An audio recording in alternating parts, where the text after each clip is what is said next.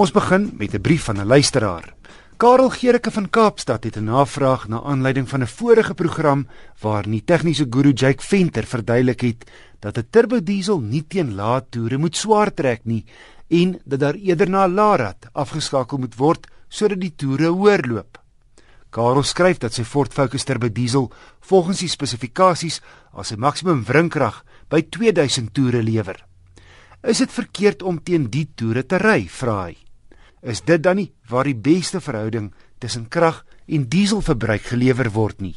So antwoord Jake. Kom ons vat die laaste gedeelte van die vraag eers.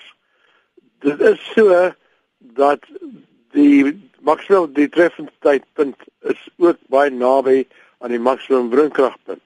Maar die probleem is dat dit word gemeet teen volle belasting. Met ander woorde, die enjin werk so hard as wat hy kan en dan vind jy dat die maksimum wrinkrag by 1500 gebeur en daar bepaal die enjin. Die oomblik wat jy nie ten volle belasting werk nie, gaan dit definitief nie daai selfe punt wees nie. Met ander woorde, dit gaan hier waarskynlik by ander toere tel wees en uh, die aard van die saak jy ander waarde ook hê vir die wrinkrag want jy werk ten volle belasting. Dis nou die een aspek, die aspek van waar jy die meer doeltreffendste is. Maar die tweede punt is dat 'n mens kan 'n enjin baie hard werk in die korrekte rad. Maar die verkeerde rad moet jy hom nie hard laat werk nie want dan dan, dan tel hy skade op in, terme van slytasie oor 'n lang afstand.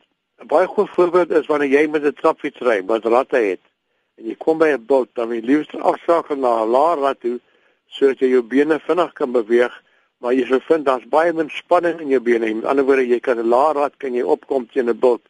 Maar as jy in 'n hoër rad bly, kan jy nie pedaal afgetrap kry nie want dit is te veel weerstand. Maar dieselfde geld vir 'n enjin. As jy 'n enjin ry in 'n hoë rad en jy wil ry met hard werk, dan kry jy baie swaar. Jy moet hom eerder afskakel na lae rad toe. Hy sal dieselfde werk doen teen 'n hoër toeretal en dan kry jy glad nie so swaar nie. En dit is eintlik die punt wat ek probeer sê destyds. Jy kan daai maksimum drinkkrag toeretal van 1500 kan jy met plesier gebruik in die lae radde maar jy moet hom nie gebruik in die in die hoë ratte nie. En beslis nie teen 'n styl opdraande op of wanneer jy eh, dalk 'n ja. swaar ding ja. sleep nie, nie. Ja. Ek kom daar meer en jy nou daarvan om 'n bietjie toere te hê eerder as om wat om te voel hy werk hard.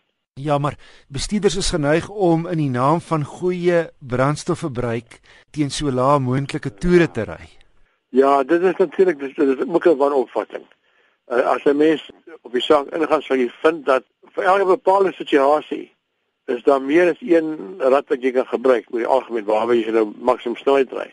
Jy gewoonlik meer as een rad wat jy kan gebruik en as jy sou 'n klop metings sou neem sou jy verbaas wees hoe dikwels vind jy dis nie die hoogste rad nie. Dit hang af van hoe hard die enjin moet werk, dan af van ander omstandighede, dan af van hoe naby jy aan die punt is van maksimum doeltreffendheid. Dis 'n tamelik gekompliseerde saak. Jy kan nooit voor die tyd sê ek gaan teen hierdie vraag teen 80 km/h die beste wees om 'n derde rad te ry. Jy jy weet nie, jy moet eksperimenteer. Dit wissel van voertuig tot voertuig. Maar op die ouend kan dit 'n duur speletjie raak as jy konstant teen lae toere ry. Op die ouend kan ja. dit vir jou duurder kos as daai bietjie brandstof wat jy dalk gaan spaar.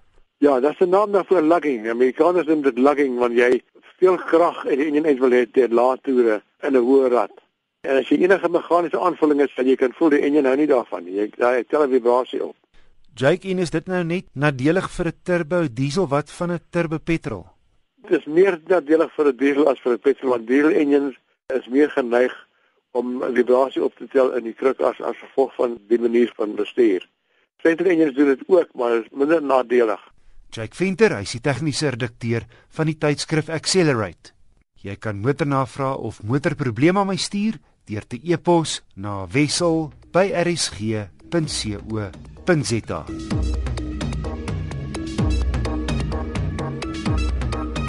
Mitsubishi het sy Triton Clubcap in dubbelkajuitpakkies buite, binne en onder die engine cap vernuwe. Ek het die topmodel 4x4 daar in die Waterberg in Limpopo gaan toets. Diflok aan. Goed. Jy het twee opsies. As jy links gaan, sit jou voorste linkerwiel op daardie twee klippe wat so hard is. Die middel van jou uh, van jou voertuig moet oor daardie sloot gaan. As jy regs kies, hou die momentum want dit is losklip. Nie spin nie, maar hou net jou momentum.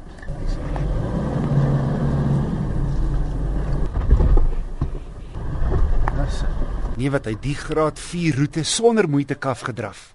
'n Nuwe kragtiger maar ook stiller en suiwiger 2.5 liter vervang die 3.2 strydtos. Nou 131 kW en 'n indrukwekkende 400 Nm wrinkrag. Een ding wat my opgeval het en dit geld nie net vir hierdie 4x4 paadjie nie, maar op die grondpad is hoe gerieflik hierdie Triton dubbelkajuit ry. By jou meeste bakkies is maar stamperig. Dis daai tipiese kompromie tussen 'n werkesel en 'n ontspanningsvoertuig.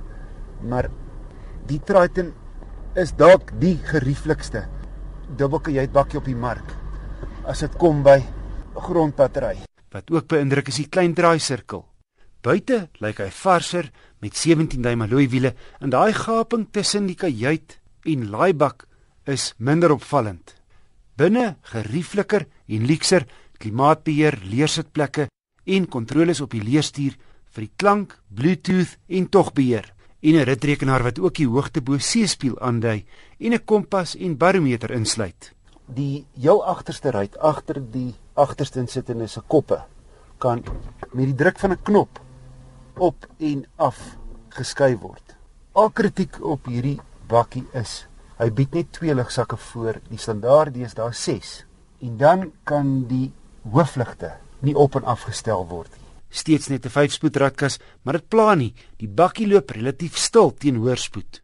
Die Triton is meer dingend geprys teen net onder 420 000 rand. My gevoel is kopers in die dubbelkajuit 4-trek klas durf nie die taai maar gerieflike Mitsubishi miskyk nie. In sy nuwe gedaante kan hy met die jongste geslag bakkie saampraat en is beslis 'n toetsrit werd.